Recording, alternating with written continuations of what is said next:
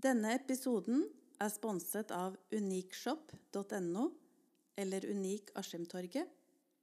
Flotte dameklær fra størrelse 38 til 56. Unike damer, unike klær.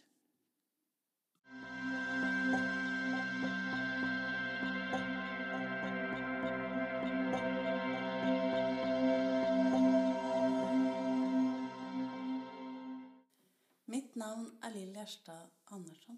I dag får jeg besøk av Therese. Therese skal fortelle sin historie. Hun skal fortelle om sitt engasjement, hvordan hun bruker kunsten som terapi, og alt annet hun måtte ha på hjertet. Så først har jeg bare lyst til å starte med å si velkommen, Therese.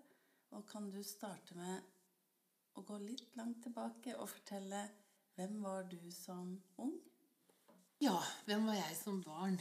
Eh, Jeg har tenkt eh, en setning de seinere åra når det gjelder det, at eh, jeg tror at jeg var et veldig, veldig ensomt barn.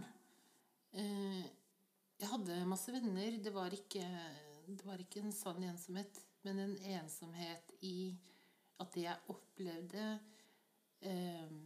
Det å føle seg annerledes Alltid følt meg annerledes. uansett. Noen ganger kanskje også i positiv forstand, men eh, stort sett det negative, da. Eh, og det, det har gått mer og mer opp for meg som voksen hvor ensom jeg var. Eh, ja. Det, det var jo Det var følelsen jeg sitter igjen med eh, av hele barndommen. En ensomhetsfølelse blant veldig mange. Eller så Men hvordan så livet ut?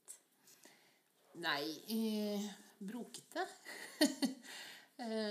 jeg bodde jo eh, først hos eh, faren min i mange år.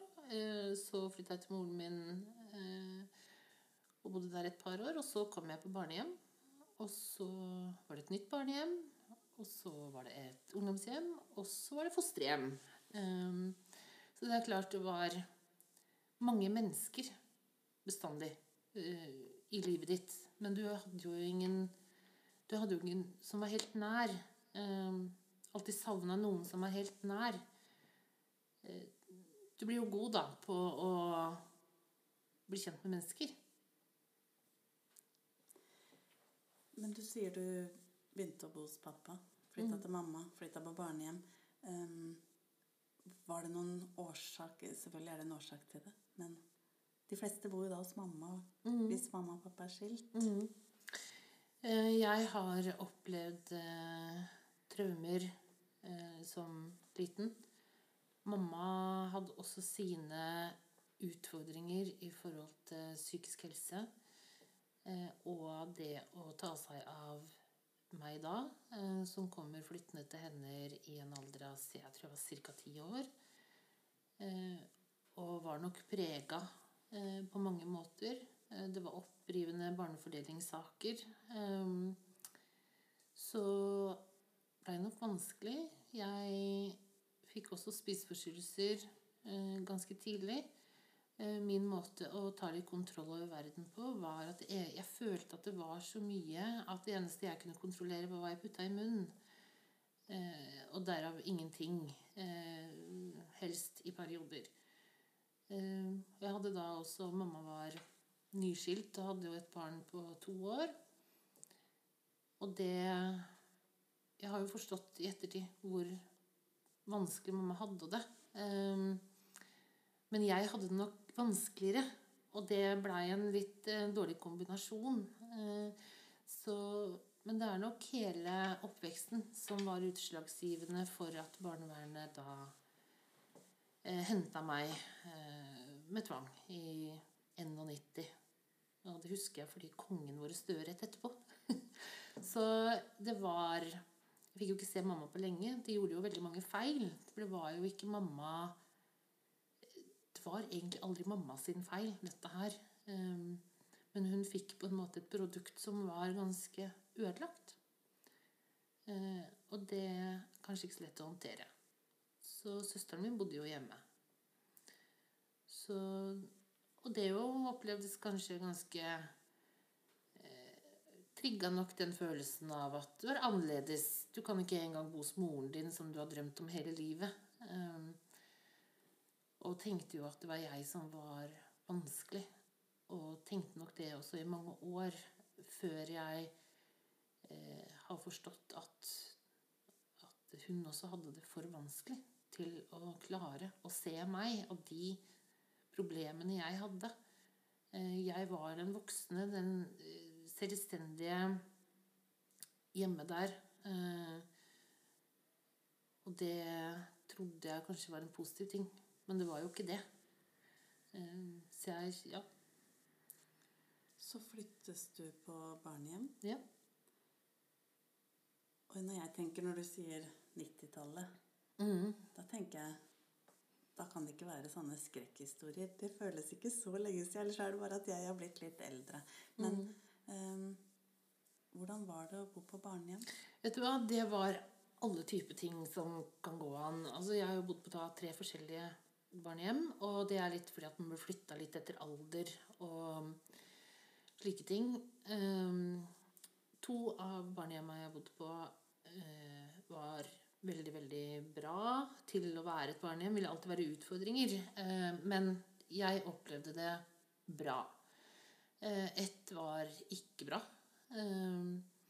og alle vi barna som bodde der, har jo sin bakgrunn og sin historie. mange traumer, mange oppbrudd. og i ettertid eh, Jeg har jo kontakt også med flere av de jeg bodde sammen med. Det eh, var jo ganske ille å være der og bo der. Eh, men vi var nok mange av oss såpass skadeskutte at vi ikke affiserte over det på den måten som det vil gjøre i dag. Den ble jo erstatningspliktig på mange grunnlag da, for noen år tilbake. Så men det er nok ikke de skrekkhistoriene vi, vi hører fra 150 år tilbake. Eh, men det å være Det å være et institusjonsbarn eh, innebærer at du må forholde deg til veldig, veldig mange mennesker. Eh, I en periode så bodde jeg på ett barnehjem og var på et annet, annet barnehjem annenhver helg og i ferier. Så ba psykiateren min meg skrive opp navnene på alle menneskene jeg snakka med i løpet av en uke. Eh, og da kom vi til 90 mennesker. Eh, og da er du 12-13 år. 90 mennesker som skal da Halvparten av de skal være på en måte da slags Nå gjør jeg sånn gåsetegn, jeg syns jo ikke stedfortredere for dine foreldre. For det er jo ditt hjem. Eh, men samtidig kan du ikke bestemme noen ting. Eh, og det å ha så mange mennesker å forholde seg til, eh, som har hver sin væremåte, og du tilpasser deg, og som et barn så tilpasser du deg dem du møter Du følte jo nesten at du hadde en slags sånn personlighetsforandring fire ganger i døgnet etter hvem som kom på vakt. Hvor du forsto at Oi, nå kommer Inger på vakt. Da, å, da kan jeg være meg selv. Eh, og hvor du går og gleder deg til at den personen skal komme på jobb, fordi da kan du slappe av. Og så er det andre som du gruer deg til skal komme på jobb, fordi kanskje du fører med en frykt, eller kanskje den personen minner deg om noe som ikke er bra, eller at den personen faktisk aldri skulle ha jobba på det barnehjemmet. Um, og det Det å lære så ung hva hvordan, hvor viktig det er å bygge relasjoner, og hvordan man eh, lærer seg balanser. Eh, du blir veldig ekstremt observant. Du blir også prega av, de barna du bor sammen med. Eh, de har sine historier. Mange fæle ting. Eh, men du lærer også en sånn type form for samhold, og du lærer en sånn ting som at blod er ikke alltid tjukkere enn vann. Noen ganger er vann tjukkere enn blod. Eh, det lærer man veldig mye av. Og man lærer på en måte at det, det familiære, det biologiske, faktisk ikke behøver å bety det aller eh, meste da, i den forbindelsen. Så jeg har jo mange i gåstein søsken hatt, på en måte, og blitt veldig glad i dem. Har jo kontakt med mange av de enda. Noen Dessverre er det jo sånn. Mange faller ut i rus eh, og blir borte. Noen tar livet sitt. Eh, noen får ikke noe oppfølging, hjelp etterpå. Eh, så man Du får noen positive erfaringer med å Du blir god på det med å bygge relasjoner, tenker jeg. Jeg ble i hvert fall det. Og så har du andre som kanskje blir veldig redde og isolerer seg nettopp av samme grunn. Du sier du hadde 90 personer å forholde deg til på en uke. Um, hvem er den ene personen som du veit bryr seg om deg aller mest, sånn som vi andre har hatt kanskje i barndommen? At vi veit at mamma og pappa de vil alltid liksom, hvert fall fighte for meg, bry seg om hvordan jeg har hatt det på skolen, trøste meg hvis jeg har kjærlighetssorg. Hvem var den personen? Vet du hva? Det, være, det, som ligger i det å si når jeg, sa at jeg var et ganske ensomt barn, er det at jeg aldri har fått vært nummer én noen steder. Det har alltid vært noen andre. Jeg følte jo som liten at eh, Jeg har jo, har jo, søsken, halvsøsken. At de alltid har gått foran fordi pappa bodde sammen med stemoren, og, og broren min da tenkte, Uten at det ble ikke sagt, men jeg tenkte jo at han er selvfølgelig viktigere for henne. Det er hennes barn. Sånn tenkte jeg også med mamma, at eh, søsteren min hun bodde jo der når jeg ikke bodde der. Og jeg vet at hun var veldig, sleit veldig for å, for å bli gravide da, og få henne. Så da tenkte jeg jeg hører jo ikke helt til her heller. Det samme gjør man da på, på barnehjem. Eh, og man er dessverre for veldig mange i hjelpeapparatet eh, kanskje er bare én av mange barn. Eh, så jeg har problemer den dag i dag å forstå at jeg kan være viktig for noen. Selvfølgelig barna mine, men før det Men jeg, jeg, har jo en historie på det, for jeg har alltid Alltid vært glad i du møter noen sånne damer med store bryster og lange armer. Eh, og, men det er aldri en miljøterapeut eller den det skal være. Det er da husmora, husker jeg, på det ene barnehjemmet, som jeg blei så glad i. Eh, og hun la sånne små gule lapper eh, på puta mi Nå er hun dessverre død. Eh, men hun betydde så mye for meg, og har betydd masse for meg opp gjennom eh, åra etter at hun også ble borte i 2009. Eh, men jeg har alltid eh, kommet, kommet, nærmest de som ikke er utdanna, da, og ikke har den eh, ikke er i den rollen som vi egentlig skulle bygge relasjon til. Eh, og det tror jeg er litt sånn instinkter hvor det hun ga meg, var betingelsesløst. Hun fikk ikke noe Det var ikke hennes oppgave å legge de gule lappene. Eh, det var ikke hennes oppgave noe som helst av det, det å gi meg en klem eh, med en gang jeg står opp. Eh, det er ikke noe du får betalt for. Så det, og det er jo den der evige følelsen at alle alle som er rundt deg, får betalt for å være sammen med deg. Du kan være midt i en hyggelig ting hvor den ansatte ser på klokka og sier at 'nei, nå må jeg gå klokka tre, nå er jeg ikke på jobb'. Eh, og for et barn at en voksen forlater deg i Si et hyggelig kortspill eller en hyggelig samtale, eller, en, eller, at du gråter og er lei deg for noe. Det er jo sånn som skjer. Foreldrene dine må på jobb eller andre ting. Men når de går fra deg fordi du er jobben, så føler du at ja, du er ikke noe viktig. Ehm, ok, nå stopper klokka, nå får de ikke betalt lenger. Så da er det ikke så farlig om jeg kommer gråtende hjem fra skolen fordi noen har erta meg. Det er viktigere at de ikke jobber overtid. Ehm, det å få beskjed om hvor mye man koster Jeg husker det var en sosionom som sa til meg at eh, ja, du er heldig, du, eh, som har to klasser. Du, det koster tross alt to millioner i året. Jeg forsto aldri hva som var heldig. Eh, eh, For meg var det jo en belastning. Jeg tenkte to millioner når du er 13 år, det høres ut som alle pengene i hele verden. Eh, og du tenker at det fortjener ikke jeg at noen bruker på meg. Når jeg visste at mamma hadde lite penger, forsto jo ikke sammenhengen. Og det å Så i det selvmordsbrevet jeg skrev når jeg var eh, ca. tolv år, som jeg hadde på det foredraget, så starter jo hele brevet med at 'jeg vil ikke koste penger lenger'. Eh, og hvor det var blitt en byrde å føle at du kosta penger At det var i veien. Eh, og den kontrabeskjeden hvor, hvor da også budsjett kunne jo bli diskutert åpent på institusjonene. Eh, nei, dere kan ikke Nei, eh, Per, la oss kalle Du kan ikke gå på fotball eh, det året her, for vi har ikke penger til det. Og så har jeg da sittet og fått beskjed om at jeg koster to millioner og opptar to plasser. Mange sånne små settinger hvor intensjonen til de voksne handler ikke om det. Kanskje det handla om at vi måtte lære oss at man ikke kunne få alt. Jeg veit ikke. Eh, aner ikke. Vi hadde i hvert fall ingenting med det budsjettet å gjøre.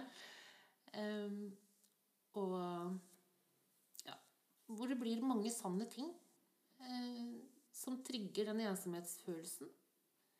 Eh, og til slutt så tenker du at eh, det er faktisk bedre om jeg ikke fins på ekte. Um, og når du da ikke får se moren din heller Jeg eh, fikk møte henne to timer tror jeg, på sosialkontoret eh, i løpet av tre første månedene.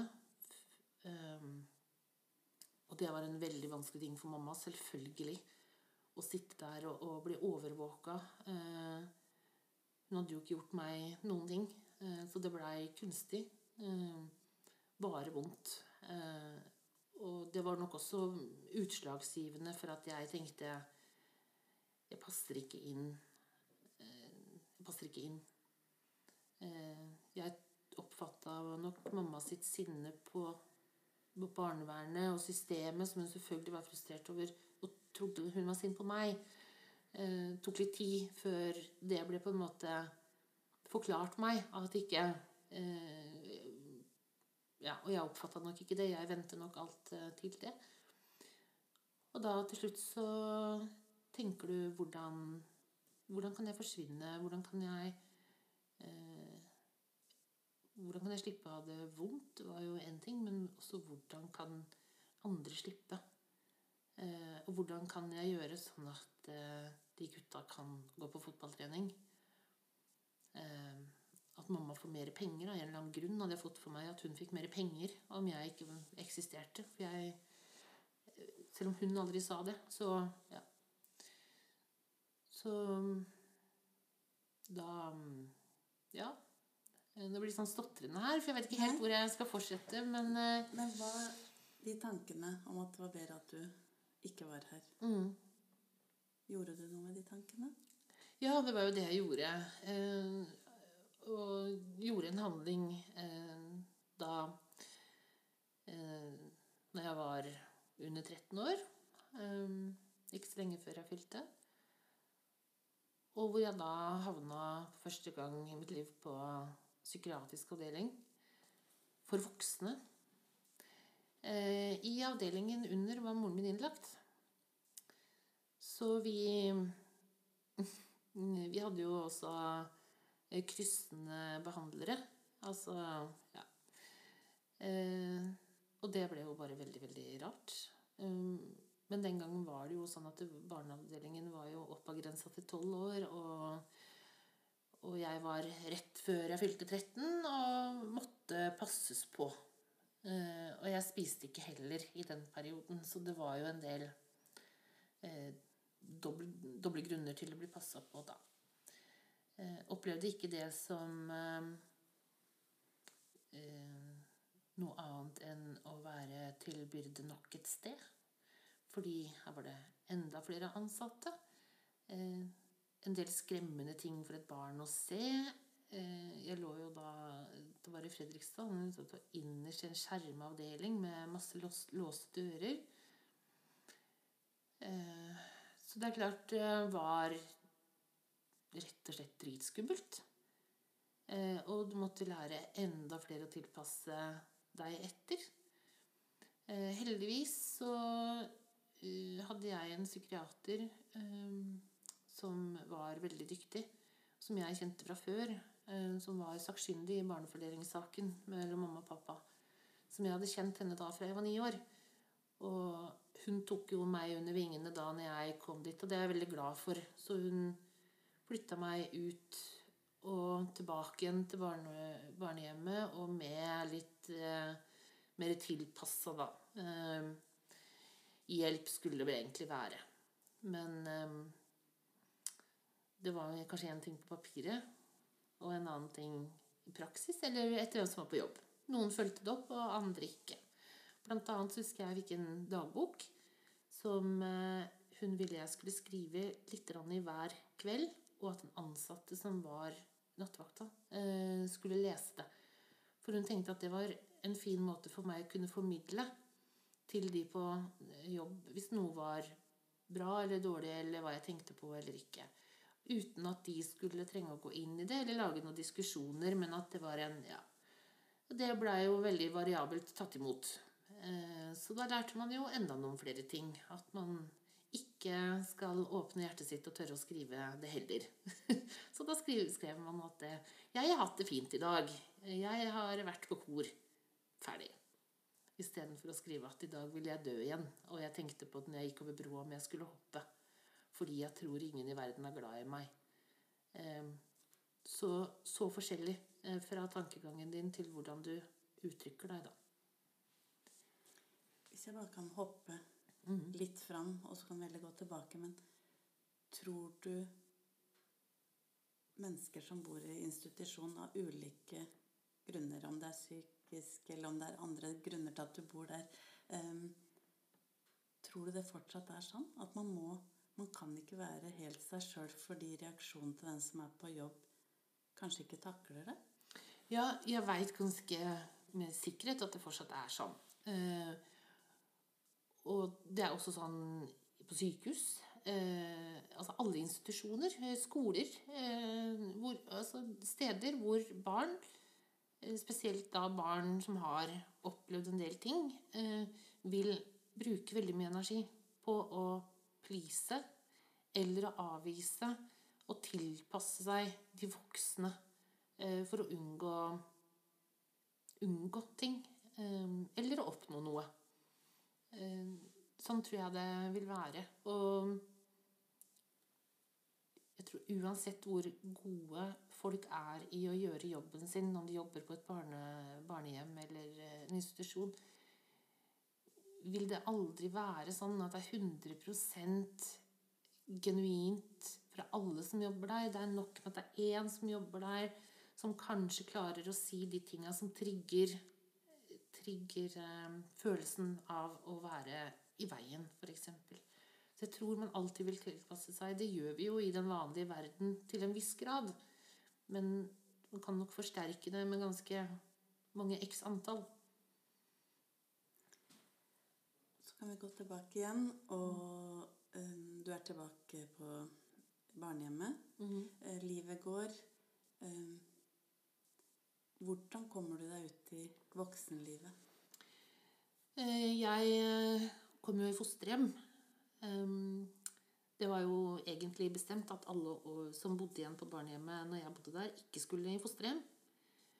Fordi at de, alle de andre barna, bortsett fra meg, hadde prøvd fosterhjem. Og det hadde ikke gått bra. Eh, En urettferdig ting, det også. Eh, Men eh, så var det en som jobba på barnehjemmet, som syntes at jeg ikke hadde noe greit der. Og endte med å ta meg med hjem og miste den jobben hun hadde på barnehjemmet. Hun hadde jo heldigvis en jobb ved siden av. Og de har vært fosterforeldrene mine siden. Og jeg kaller det jo de enda. Vi, vi er jo i god relasjon. Så den som gjorde mest for meg, da, eh, er jo den som da tapte alt i forhold til det eh, ja, med jobb og sånne ting den gangen. Men du kan tenke deg hvor mye du da plutselig tenker at du betyr. Og hvor viktig du føler deg når et menneske gjør en sånn en ting. at jeg tar med meg deg hjem, og jeg sender deg ikke tilbake igjen. Og kjemper den kampen eh, som følger med der, da. Da, da føler du deg viktig. Eh, så begynte jeg på videregående. Eh, fikk meg kjæreste. Eh, livet gikk egentlig min vei, da, hvis man skal kalle det det. Og gikk da tegning, form og farve. Og midt oppi alt dette her så hadde jeg jo relativt god kontakt med moren min. Og så blir hun drept og funnet bak en garasje innpakka i plast og sengetøy. Og da var jeg 17 år, og søsteren min var 8. Det var hennes åtteårsdag i tillegg. Da rakna jo det som hadde begynt å bygge seg opp. Eh, selvfølgelig. Eh, jeg hadde skyldfølelse i tillegg. Eh, og da starta på en måte et helt nytt liv for meg på så mange måter. Um, fordi alltid når jeg har hatt det vondt når jeg var liten, uh, uansett hva det var, så trøsta jeg meg ofte med at ja, men om noen dager så skal jeg til mamma. Eller når mamma blir mm, bedre, så skal jeg få være der igjen. Eller skal jeg flytte hjem igjen til mamma. Eller uh, brukte veldig sånn massivt Mamma var liksom forbildet mitt på alle måter. Eh, og alltid levd med et sånn savn etter moren min. Eh, og jeg fikk jo lov å bare ha henne så vidt i handa før hun glei ut igjen. Så var det tilbake til det savnet. Men i det savnet når mamma døde, så lå det jo ikke noe håp om å se henne igjen. Det lå jo der når du var liten. Uh, ja. Det ble så endelig. Veldig endelig. Mm. Og veldig urettferdig. Det var jo en Hun ble jo slått i hjel. En brutal måte Alt var brutalt. Alt rundt det var grusomt. Uh, det å være på innsiden av media, eh, hvor de skriver ting som heller ikke var riktig eh, De eh, menneskene som plutselig blir sensasjonslystne Eh, jeg husker at jeg tenkte det var da voldsomt hvor mange venninner plutselig mamma har i avisen. Hvor mange som vet eh, ting de ikke hadde peiling på. Mange Veldig mye å forholde seg til i tillegg til at du har mista moren din, og det er den sorgen. Men alt som fulgte med, var fryktelig vanskelig. Og det å være med å organisere en begravelse når du er 17 år eh, Alle de tinga der er nok vanskelig for alle og enhver. Uh, men når du har media i tillegg Nå var det jo ikke noe Internett og sånne ting den gangen, um, men avisene var jo fulle. Um, og i 94, når dette skjedde, så skjedde det bare to drap. Uh, og da fikk jo de selvfølgelig ganske stor oppmerksomhet det er en tilleggsbelastning som jeg tror at kanskje folk ikke helt tenker over. Eh, og jeg tenker mye på det når jeg leser ting som blir delt på Facebook f.eks. Og at folk glemmer at det sitter pårørende og kan lese de kommentarene. Eh, og det er dømmes far, mor, søster, bror, datter Altså hva som helst. Eh, det slapp vi den gangen. Og likevel så var det ille. Veldig ille. Du sier den følelsen av at det var endelig. Du hadde ikke noe å glede deg til å mm. dra til mamma igjen. Men var det også en følelse av noe sinne der med at mamma hadde svikta ved å ikke kunne ha deg? Altså i gåsetegn? Nei, jeg er eh, litt dårlig på det der. Eh, jeg har egentlig ikke vært det. Jeg har vært uh, sinna på meg sjøl for at jeg ikke klarte å være flink nok som barn. De kom jo og bråhenta meg på skolen. Mamma visste jo ingenting. Det var jo tvangsvedtak. Eh, og det er klart eh, Jeg Og det er ekstra vanskelig kanskje å tenke rundt og snakke om det, fordi mamma er jo borte. Får jo ikke forklart og forsvart noen ting eh, lenger. Um, men det var nok For meg var det å bli plassert borte en veldig stor bekreftelse på at jeg ikke fortjente den plassen jeg på en måte tok. Um, når jeg flytta til moren min, så var hun gift, og jeg bodde der i tre måneder. Så skilte de seg. Og da trodde jo jeg at de skilte seg fordi at jeg flytta dit. Mens det var bestemt på forhånd, men de holdt sammen for å komme gjennom den rettssaken og, og få meg, da. Så egentlig var det jo en edel ting de hadde gjort. Men så tenkte de kanskje ikke at det var noe viktig å fortelle meg. For jeg sa ikke noe. Men jeg tok jo det også som en bekreftelse på at jeg, jeg virkelig ikke hører til. Jeg kommer inn her og ødelegger et ekteskap. Eh, så avvisninger eh, er jo veldig store bekreftelser. Og når man eh, har noen psykiske lidelser, så tror jeg man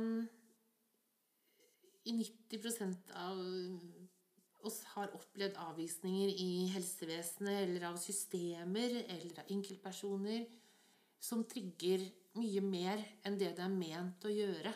Vi tar det kanskje veldig, veldig, veldig personlig og lager en, et stort hull i hjertet um, ut av noe som er uh, i et system. Men øh, jeg vet jeg kan spørre deg om det, siden jeg vet mm. du prater mye om det, og du holder foredrag. Du kan jo mye om øh, psykisk helse. og Hvis du hadde satt på deg andre briller og sett Hvis du ville snakka til deg som barn, mm. hadde du da fortsatt tenkt at det var det barnet sitt skyld? Nei, Nei. Uh, fordi fornuften min seirer. Så det Jeg ser jo det. jeg ser Hvis jeg skal se på meg selv fra utsiden, så ser jeg jo et barn som Eh, altså, jeg prater jo på inn- og utpust, og det har jeg nok alltid gjort. Jeg liker å tulle og tøyse, eh, og kan oppfattes eh, mye tryggere i meg sjøl enn det jeg er. Jeg var ikke redd for å synge sollist i koret. Jeg var ikke redd for å stå på 17. mai og lese dikt og synge på skolen. Alle de tingene.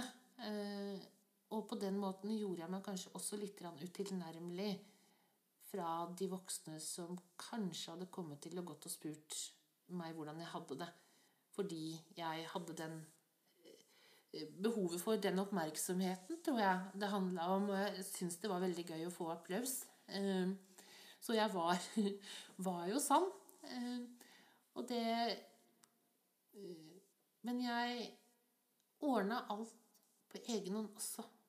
Eh, på så mange måter. Og jeg var et veldig frampå barn. For eksempel så veit jeg at jeg valgte å fortsette på den gamle skolen min når jeg og mamma flytta.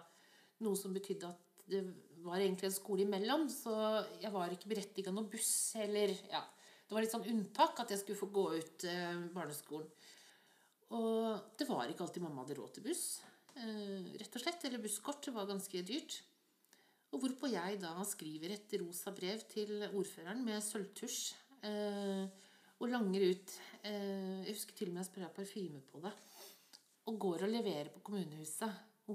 Hvor han da ringer til moren min noen dager etterpå og hadde jo blitt så smigra av det her, hvor jeg fikk busskort. Hun ante jo ingenting.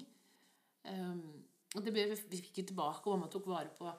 Så jeg var jo ikke noen sånn stille og rolig helt og gikk ikke i med veggen på Og da tror jeg man oppfattes også som mye tryggere og sterkere. Og det opp, sånn er jeg jo enda. Ja, for det er ingen som ser deg når du ligger under kjøkkenbordet og er livredd. Det er ikke da du inviterer noen. Og det er ikke det du legger ut bilder på Facebook. det er sant. Men da når livet endrer seg så endelig, da, som du sier. Du er 17 år. Det hadde egentlig begynt å gå litt oppover. Blir det nye møter med psykiatrien? Ja, det gjør det jo. Eh, Første møtet mitt eh, som da litt voksen var rett etter drapet.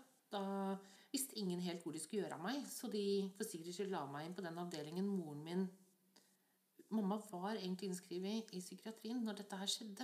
Hadde permisjon den helgen for å feire bursdagen til søsteren min. Og så skjer dette drapet.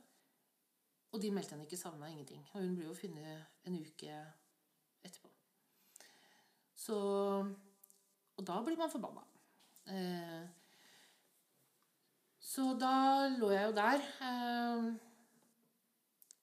husker eh, svært lite annet enn at det var ansatte som gikk og gråt. Eh, fordi de kjente jo mamma veldig godt. Eh, det var godt for meg å se. Eh, faktisk. Den som de da kanskje ville kalt uprofesjonell oppførsel. Det var den jeg trengte. Jeg trengte en bekreftelse på at det var greit å gråte. Jeg var dårlig på det da, ifølge jeg ble veldig sånn som skulle ordne. Eh, så var det Gikk det bra en stund, så var jeg innlagt i en eh, Da kom mye gammel angst opp. Eh, mye nye nye selvmordsforsøk. Både halvhjerta og helhjerta, for å si det sånn. Jeg skal ikke gå i detaljer på det. Det er ikke noe greit å gjøre sånn offentlig. Men eh, det var Det var jo hele tiden For meg har det i hvert fall vært sånn at det med tanken på at jeg hører ikke til eh, Jeg er ikke eh, på førsteplass hos noen. Ikke på andre heller. Kanskje ikke før langt ut i rekka. Nå som mamma også da var borte. Eh, jeg vet jo at jeg har vært på ganske øverst på pallen hos besteforeldrene mine. Men jeg var nok ikke god nok til å se det den gangen. Ehm, jeg tror alle trenger å være og føle seg viktig for noen. Det tror jeg er viktig. ja. Det er livsviktig, tror jeg. Ja, mm. rett og slett. Men et sted så må du ha funnet en styrke et sted der så må det ha skjedd noe. Mm. Ja, Skal du ha noe konkret på nei, det, tenker nei, du? Mer sånn. fordi jeg er litt sånn usikker på Jeg har fått det spørsmålet før. Mm. Eh, fordi nå er det ganske minimalt det jeg faktisk forteller her av hva jeg har opplevd. Og det er litt en tanke på hvor jeg forteller dette her hen. Eh, og jeg tror at nettopp den der ensomheten som har vært tyngende, har også gitt meg en type styrke. Og jeg har brukt veldig mye tid i mitt eget hode. Eh, jeg har brukt mye tid på å lage meg overlevelsesmekanismer. Eh, alltid engasjert meg i mye. Politikk eller ja, masse. Alltid hatt mange baller i lufta. Det eh, er jo en svakhet på mange måter, men det er også en styrke. Da. God på avledninger, da. Hvis man kan kalle det styrke. Jeg har ingen sånn Jeg har ingen sånne eh, at den dagen så Eller det og det skjedde.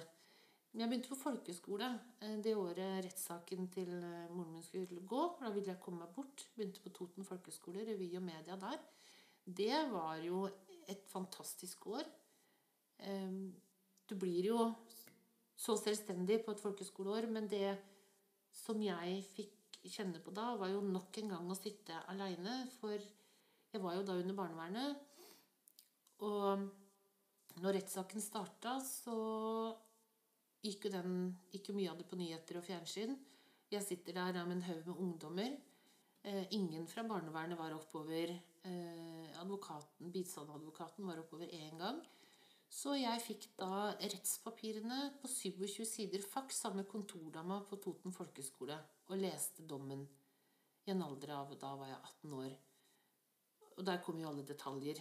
Eh, og ingen, ingen oppfølging på det. Så det. Og for meg var ikke den overraskende, men for de rundt meg. De reagerte jo. De andre ungdommene på folkeskolen reagerte. Hvor er de voksne hen? Mens jeg står der med en lang faks med en drapsdom og eh, Ja. Men det var For meg var det Ja, nei, men sånn er det. Det må jeg ta. Eh, og jeg tror, men jeg tror det året styrka meg eh, veldig. Eh, var et fantastisk år, og etter det så eh, flytta jeg for meg sjøl, og etter hvert så traff jeg jo faren til mine barn, gifta meg, fikk barn, jobba Ja, de levde ganske A4 eh, i mange, mange år.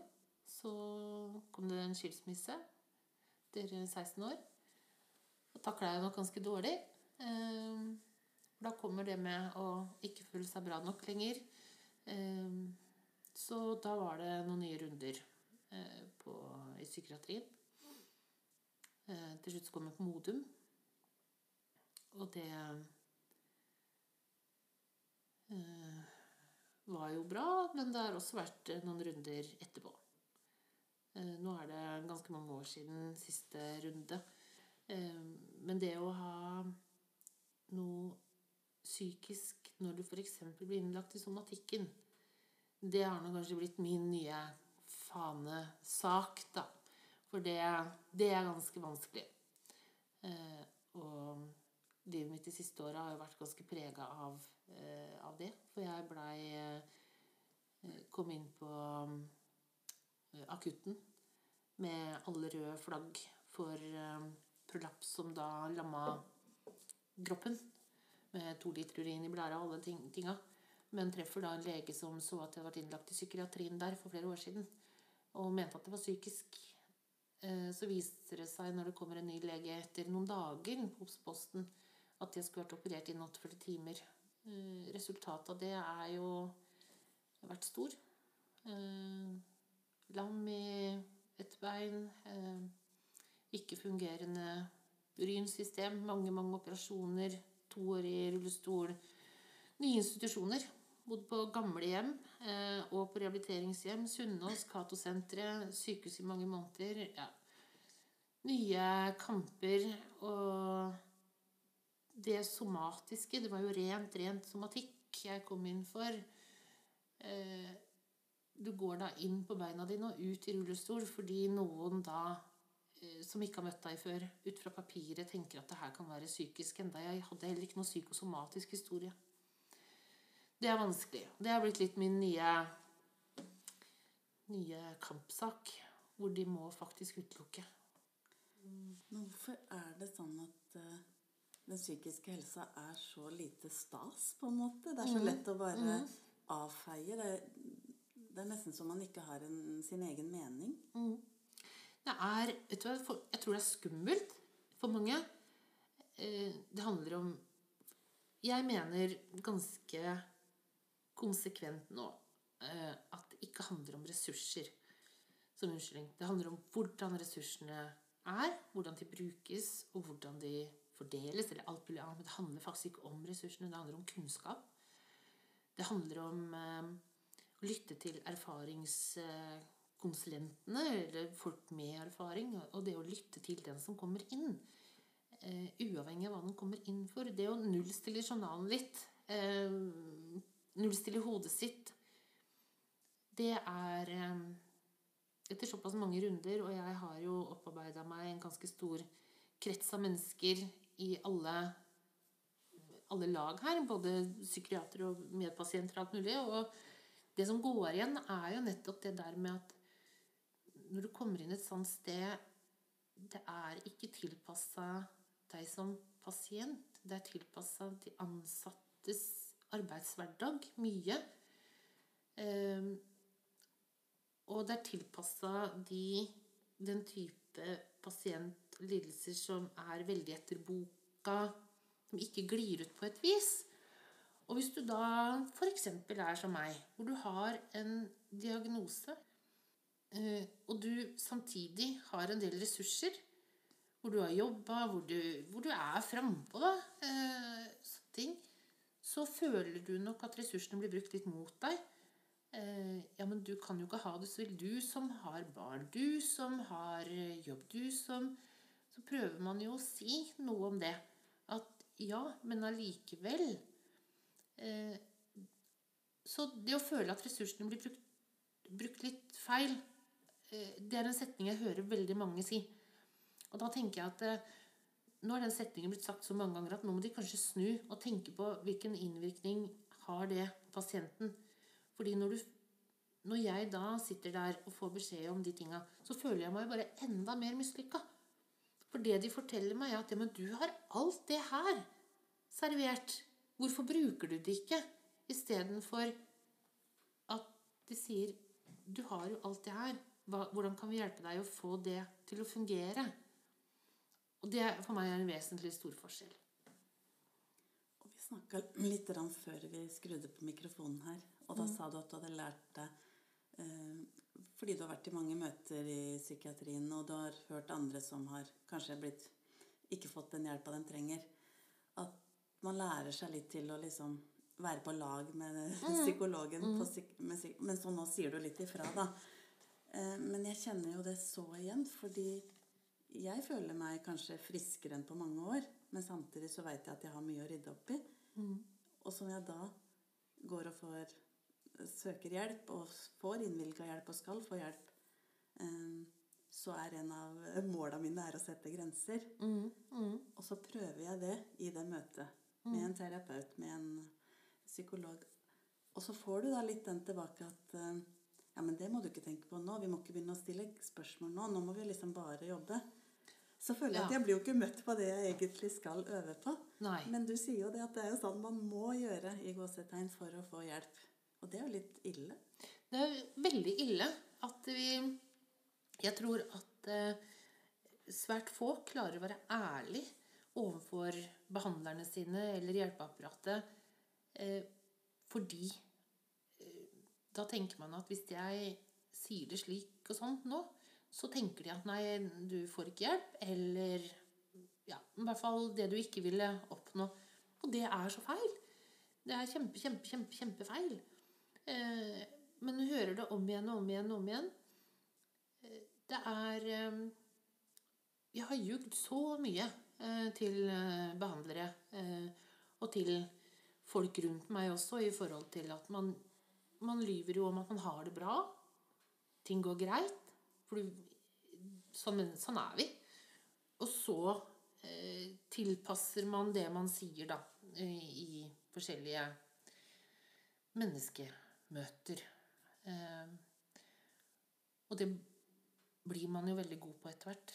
Eh, og sånn som jeg sa noe om i stad, at du kan sitte og høre f.eks. en psykolog eller en, en eller annen i et behandlingsapparat ikke forstår uh, hvor du vil, og du kan inni deg tenke at herregud, er den personen helt dum? Uh, men det er ikke det man må si.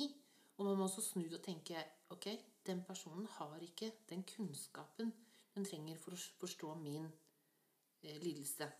Den personen vil meg ikke vondt. Det er også noe man, mantra man lærer seg etter hvert at man faktisk må si, fordi i perioder av livet har man trodd at alle vil seg vondt. Man må lære seg at intensjonen er sikkert god. Eh, og så må man heller da ikke gå til neste psykolog, føler man, og, og, si noe negativt om den forrige, for da får du kanskje et stempel på deg at du er negativ, og at det alltid er systemet. Så jeg lærte meg ganske tidlig at det var viktig å holde balanse, og det å faktisk se det fra forskjellige sider, og være litt raus. Og ikke bare stemple dem som dumme idioter, men lite kunnskap på det området. Men hun var jo veldig hyggelig, f.eks. Men resultatet av det, konsekvensen av det, er at du Jeg har faktisk sittet øh, flere år i terapi og plisa psykologen. Fordi jeg har såpass mange overskrifter i livet mitt at jeg kan fylle en psykologtime med det. Og jeg er supergod på digresjoner, og jeg prater mye. Så jeg kan bruke opp eh, timer uten at det har noe som helst for seg. Eh, det tar noen år å anerkjenne det. Nå har jeg en glimrende, fantastisk psykolog som gjennomskua det der ganske fort. Og satte i gang en sårt trengende traumeterapi. Eh, Så man trenger faktisk noen som ser igjennom det der og sier liksom 'cut the crap'. Altså her er det bare å jobbe. Og vi jobber sammen. Eh, det er forskjellig Og så har du to jenter. Mm. Eh, har du måttet love dem noe noen gang? Sånn Så lenge du er så åpen, så vil jeg tro at de også veit at du ikke ønsker å leve en gang. Eller flere. Har du måttet love dem noe? Nei. Vi har eh, Det du sa der, er nok det mange antar. Dessverre er nok barna mine de som har visst minst. Jeg har nok vært en sånn mamma som er veldig opptatt av å glatte over og si at nei, det går bra. Selv om jeg har vært ut og inn av sykehuset, eh, så har ikke de forstått uh, før Nå er det jo nå Hun eldste blir jo 23, og den andre er 21. Så først nå de siste åra vi har snakka om det. Og vi snakka jo veldig mye om det før eh, det foredraget vi hadde for halvannet år siden. Eh, Det er første gang hvor jeg veldig direkte forteller de hva som skjedde når eh, jeg ikke ville leve lenger. Fordi at jeg visste at de skulle komme på foredraget. Så men det, jeg var jo veldig redd for det. Og har jo på en måte hatt en sånn som jeg tror foreldre instinktivt har. Vi tror vi beskytter barna, og så gjør vi det stikk motsatt. De veit egentlig mye mer. Eh, og det gjorde de jo. Men vi har jo hatt så mange gode samtaler etter det. Eh, og jeg faktisk for ikke veldig lenge siden sa høyt og tydelig til barna mine Knakk litt foran eh, eldstedatteren min, noe som ikke har skjedd før. Vi har alltid klart å ta meg sammen. Hvor jeg sier at nå har jeg det helt jævlig. Og hvor hun ble liksom sjokkert fordi at jeg sa det. Men etter at det skjedde, så har jo åpna seg også en helt annen verden for oss å snakke om ting. De åpner seg kanskje også mer. Jeg åpner meg. Og det de sier, er jo at jeg må slutte å beskytte dem, for det blir jo egentlig bare verre. Det blir jo en verden full av nye løgner. Eh, Så det Nå er de gamle nok til å ta del i mye. Men de er også flinke. Eh, eldste min er f.eks. visse ting hun ikke har lyst til å vite noen ting om, og har sagt fram det. Eh, yngste ville ha et møte med psykologen min for å lære mer. Eh, og gjorde det, mens den eldste ikke vil det. Sånn, og det må jeg respektere begge sine ønsker. Eh, og hvor de også snakker seg imellom. Men det er ikke noe sånn at eh, min psykiske lidelse har noe sånn stort hovedfokus hjemme hos oss. For mine barn har jo, aldri, har jo alltid også fungert som en type avledning fra det som har vært vondt, fordi at mine ting ikke er relatert til barn. Eh, så de har De har bare gitt meg Bare gitt meg glede. Glede, glede, glede. Jeg har aldri, aldri hatt noen Det er jo helt objektivt sett de beste jentene i verden. Selvfølgelig. selvfølgelig. Så ja. Hva tror du åpenhet er viktig for? Så masse. Eh, og så er det litt på den feilåpenheten, da. Hvor man eh, sier ting som man tenker at man må si. Eh, det tror jeg mange av oss kan gjøre. Bli oppfatta også kanskje som åpne. Eh, hvor man egentlig sier de innlærte linjene. Eh, men det lærer man seg kanskje med tiden. Jeg tror det er veldig viktig. Med i hvert fall min åpenhet så har jeg blitt kjent med veldig mange mennesker i veldig, veldig mange faser av livet. Eh, Jeg har venner som er veldig unge, og jeg har venner som er veldig gamle, og i absolutt alle samfunnslag. Det tror jeg har mye med åpenheten å gjøre. Det at jeg ikke er redd for å si eh, livet kan være et skikkelig helvete. Um, er ikke den som klapper folk på skuldra og sier at ja, men det her kommer til å ordne seg og gå bra. Hvor jeg heller kan si at vet du hva, jeg skjønner at det her er skikkelig, skikkelig jævlig. Eh, og spørre hva man kan bidra med, istedenfor å klappe noen på kinnet. eh, For det, det fins ikke noe som provoserer meg mer når jeg har det dårlig. Enig. Når jeg har det dårlig, og noen kommer og sier her ordner seg, det her går bra. Du får jo lyst til å skrike høyt. Eh, samtidig så er det jo sånn vi har lett for å si. Og vi sier det jo til barna våre hele tiden. De kommer inn med hvor, de opplever en forferdelig ting ute i gata. De er, Berit er uvenn med Per, og det er forferdelig, og den ene slo den andre, og vi sier men det her går bra. Så det er jo noe vi lærer oss å si. Um, og mange ganger så går det jo bra. Og noen ganger så går det faktisk ikke bra. Du har også sagt, som mange andre, den der be om hjelp, spør. Mm. Eh, og jeg er helt enig i den. den. Men er det alltid man får hjelp av? Nei. Nei. Jeg tenker du må være helt ærlig på å svare på det. Um, men man kan ikke sitte og si at uh, ikke be om hjelp. For det må man ikke finne på å ikke gjøre. Uh, for ber man ikke om hjelp, så kommer den ikke. Uh, hvis ingen har fanga deg opp. Men det er også en litt sånn provoserende setning. Um, for det er dessverre ikke sånn at man bare kan løfte opp telefonrøret i mange av tilfellene og si 'jeg trenger hjelp', og så får man det.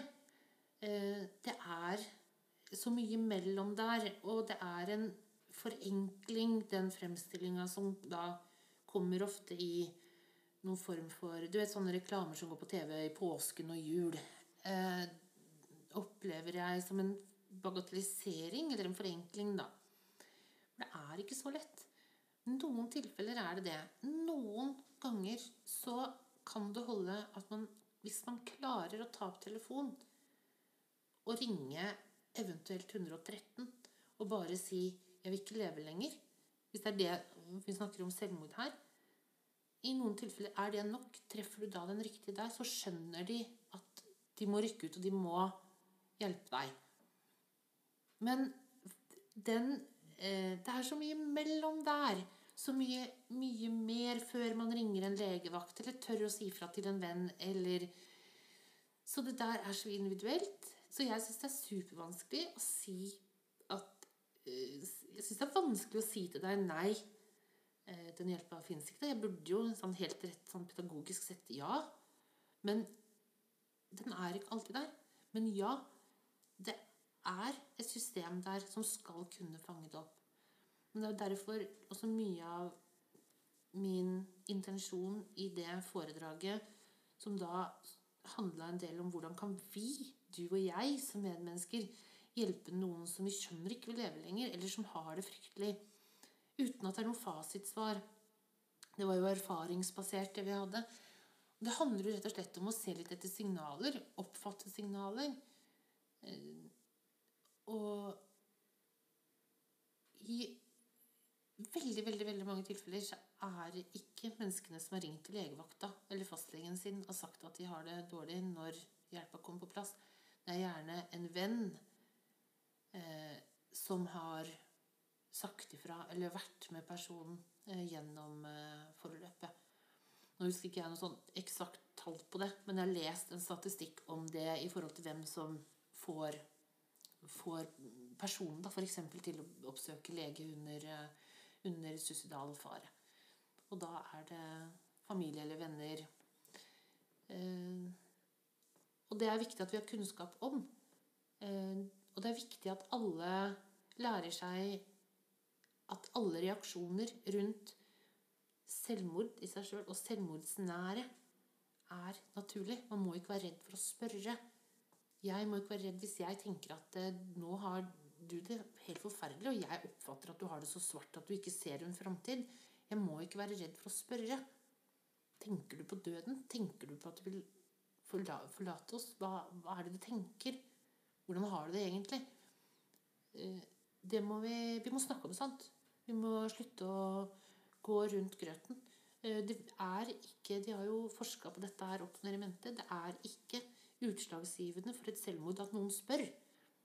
Eh, for hvis du først har de tankene Og stort sett så vil faktisk folk svare ærlig på et direkte spørsmål. Og så er det noen gamle myter som går igjen, som er sånn at ja, men den som sier at de vil dø, vil ikke det. Det er feil. Det viser seg over 82% av tilfellene så har alle som tar selvmord, eh, sagt ifra på en eller annen måte på forhånd. Eh, noen har sagt fra mange ganger. Mange selvmordsforsøk. Eh, mange som man kan kalle, eller trodde, var litt tafatte hjelperop, men som blir full, fullbyrdig selvmord. Eh, og det er noe med det å ta det like alvorlig hver gang. Det må vi også på en måte gjøre. Vi må ikke bli med på setninger som at ja, men det gjorde han sikkert for å få litt oppmerksomhet. Vi må slutte med det. For hvis det mennesket gjorde det for å få oppmerksomhet, så har det mennesket det like dårlig. Eh, man kan ikke veie det opp mot full, fullbyrde eller ikke. Og så har du også spontane selvmord som ikke er planlagt, og som ikke har vært noen signaler føre. Eh, de får man dessverre ikke stoppa. Man får, hvis det ikke foreligger noen signaler, får man ikke stoppa den mannen f.eks. som kjører inn i en fjellvegg, eller den jenta som hopper ned fra en bru. De, de impulsive eh, Der tror jeg det ligger mye skyldfølelse hos pårørende. Og det er ofte veldig uberettiga. Men man vil jo ha svar, så man sitter og leiter. Hva var det jeg ikke så? Hva var det jeg kunne gjort? Eh, og jeg tenker med meg sjøl Hvis jeg hadde gjennomført eh, Klart å gjennomføre eh, noen av de selvmordsforsøkene Så har jeg tenkt Hva er det de pårørende ville ha tenkt og lett etter? Hvor ville de lagt svara hen? For ingenting av det jeg tenkte, hadde jo vært dømmes feil. Men jeg har jo full forståelse for at kanskje barna mine ville tenkt, eller besteforeldrene mine, eller fosterforeldre, hva som helst, at hva kunne jeg gjort? Og alle de eh, Jeg tror det er naturlig. Vi leiter etter svar. Eh, men jeg tror noen ganger at de svara kan vi ikke få, og så må man Det høres sånn kjempeklisjé ut. Hvile i det. At det ikke eksisterer noe svar for hvorfor Per 42 kjørte den fjellveggen når alt virka tilsynelatende bra. Um. Og så veit jeg i stad at du sa det var ikke en sånn quick fix. Jeg må bare begynne å avrunde her, for tida løper fra oss. Men det fantes ikke en sånn quick, uh, quick fix for deg. Men du kanskje modna, du kanskje fant deg sjøl Altså du dro et annet sted osv. Men så har du også funnet det å bruke kunsten. Mm. Hva slipper du løs da? Alt. jeg har jo, Der har jeg vært heldig. Mamma og bestefar var jo glassblåsere. Jeg har vokst opp med kunst og farger. Jeg har en veldig kreativ familie på veldig mange måter. Både skriftlig og Ja, det er ingen av de som maler, men uh, mange Ja. Jeg lærte jo tidlig det med å være glad i å tegne og male og farger. Uh, det estetiske, da så blei det sånn eh, at jeg gått litt eh, kurser og litt sånn forskjellige typer på Nydalen kunstskole og sånne ting. Og så lærte man jo liksom de ja. Men så gikk jeg et kurs på intuitiv maling. Eh, og lærte meg å slippe løs helt. Ikke bare tegne teknisk fint, altså alt det der. Da lærte jeg meg å bruke det som en sjølterapi. Og jeg gjør jo det nesten daglig. Jeg eh, har litt sånn at de dagene det er svart inni meg, så maler jo jeg masse farger. Eh, for da vil jeg forandre eh, fargene. Så jeg har ikke de sorte, store, dystre bildene er ikke, Hvis de har laga noen sanne innimellom, det gjør man jo, er ikke fordi at jeg nødvendigvis har det dårlig. Det kan rett og slett være at nå har jeg det såpass bra at jeg kan våge meg på å lage et bilde av noe som ikke er like bra. Så jeg snur det litt. Jeg er også sånn, Har jeg det veldig rotete i hodet mitt, så rydder jeg hjemme. Ommøblerer, pynter, styrer, fordi jeg må i hvert fall ha det ryddig rundt meg. Og litt sånn fungerer den malinga også. Nå er det svart og jævlig i huet mitt. Da kan jeg i hvert fall male noe fint. Og det er den prosessen Jeg maler jo ting som tar veldig lang tid. Bildene mine kan se ganske enkle ut, men de tar alltid lang tid ukevis, mange lag på lag. For det er den prosessen som blir terapien, ikke nødvendigvis resultatet. Og det at noen kjøper da bildene mine, eller jeg får ros på utstillinger, det handler så mye om meg å få en bekreftelse på at noe jeg gjør, er bra. Eh, og det at noen vil kjøpe noe av meg og henge på sin vegg At, at de vil ha det her. Vil de ha noe av meg i stua si? Det gir en selvfølelse og en, en mestring, da, som gjør at jeg kommer nok til å bruke det som terapi i mange år. Og jeg likte så godt det du sier når det er mørkt inni deg. Da kommer fargene ut. Mm. Og så omvendt.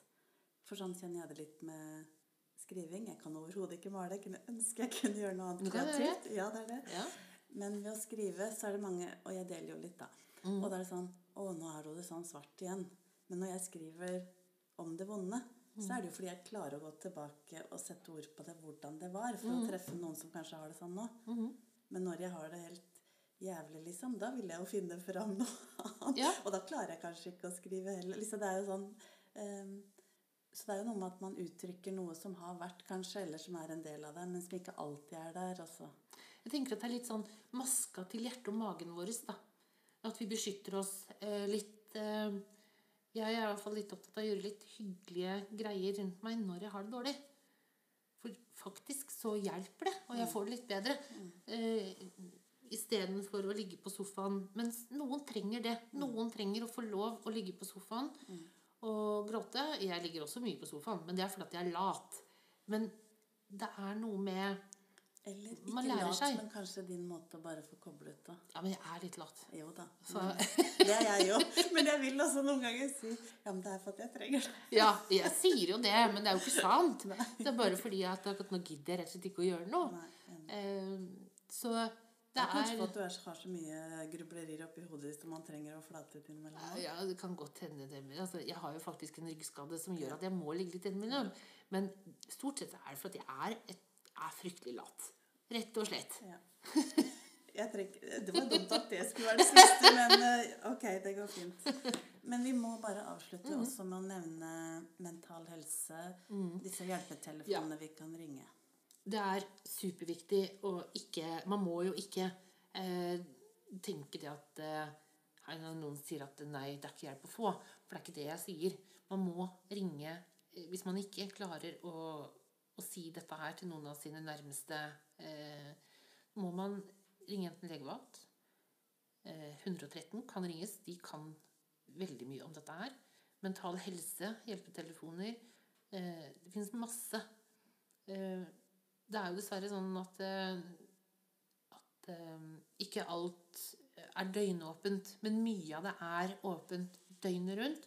Det finnes chattetjenester hvis du ikke eh, klarer å snakke. Eh, Røde Kors har tjenester. Man kan rett og slett google. Eh, noen av jeg har sjøl googla selvmord eller selvmordsønsker i forbindelse med foredrag. Og det som er fint, er at det første som kommer opp, er alle hjelpetelefonene. Ehm, og det Man må Det aller fineste er hvis du klarer å si det til en eller annen rundt deg. Presten din, eksempel, hvis du De er veldig gode på sånne ting. Hvem som helst. Nesten hvem som helst. Ja, nesten. nesten. En du stoler på. En du stoler på. Og den du stoler på, må også være en som, ikke, en som forstår at det er ikke den personen sitt ansvar eh, hva som skjer. Den personen har et, plikt og et ansvar til å ta vare på deg i den situasjonen, men ikke på hva som skjer. Men vi må alle ta et ansvar på å sette i gang en type hjelp og være sammen med det mennesket. Jeg har lært masse i dag òg, jeg. Og det er bra, da. Så tusen takk. Og Takk for meg. her er det bare litt sånn kunst som du kan bruke når du tenner lys og gjør det hyggelig hos deg. Og så er det boka mi. Og så vil jeg bare si takk, Jenny. Jo, takk for, takk for meg.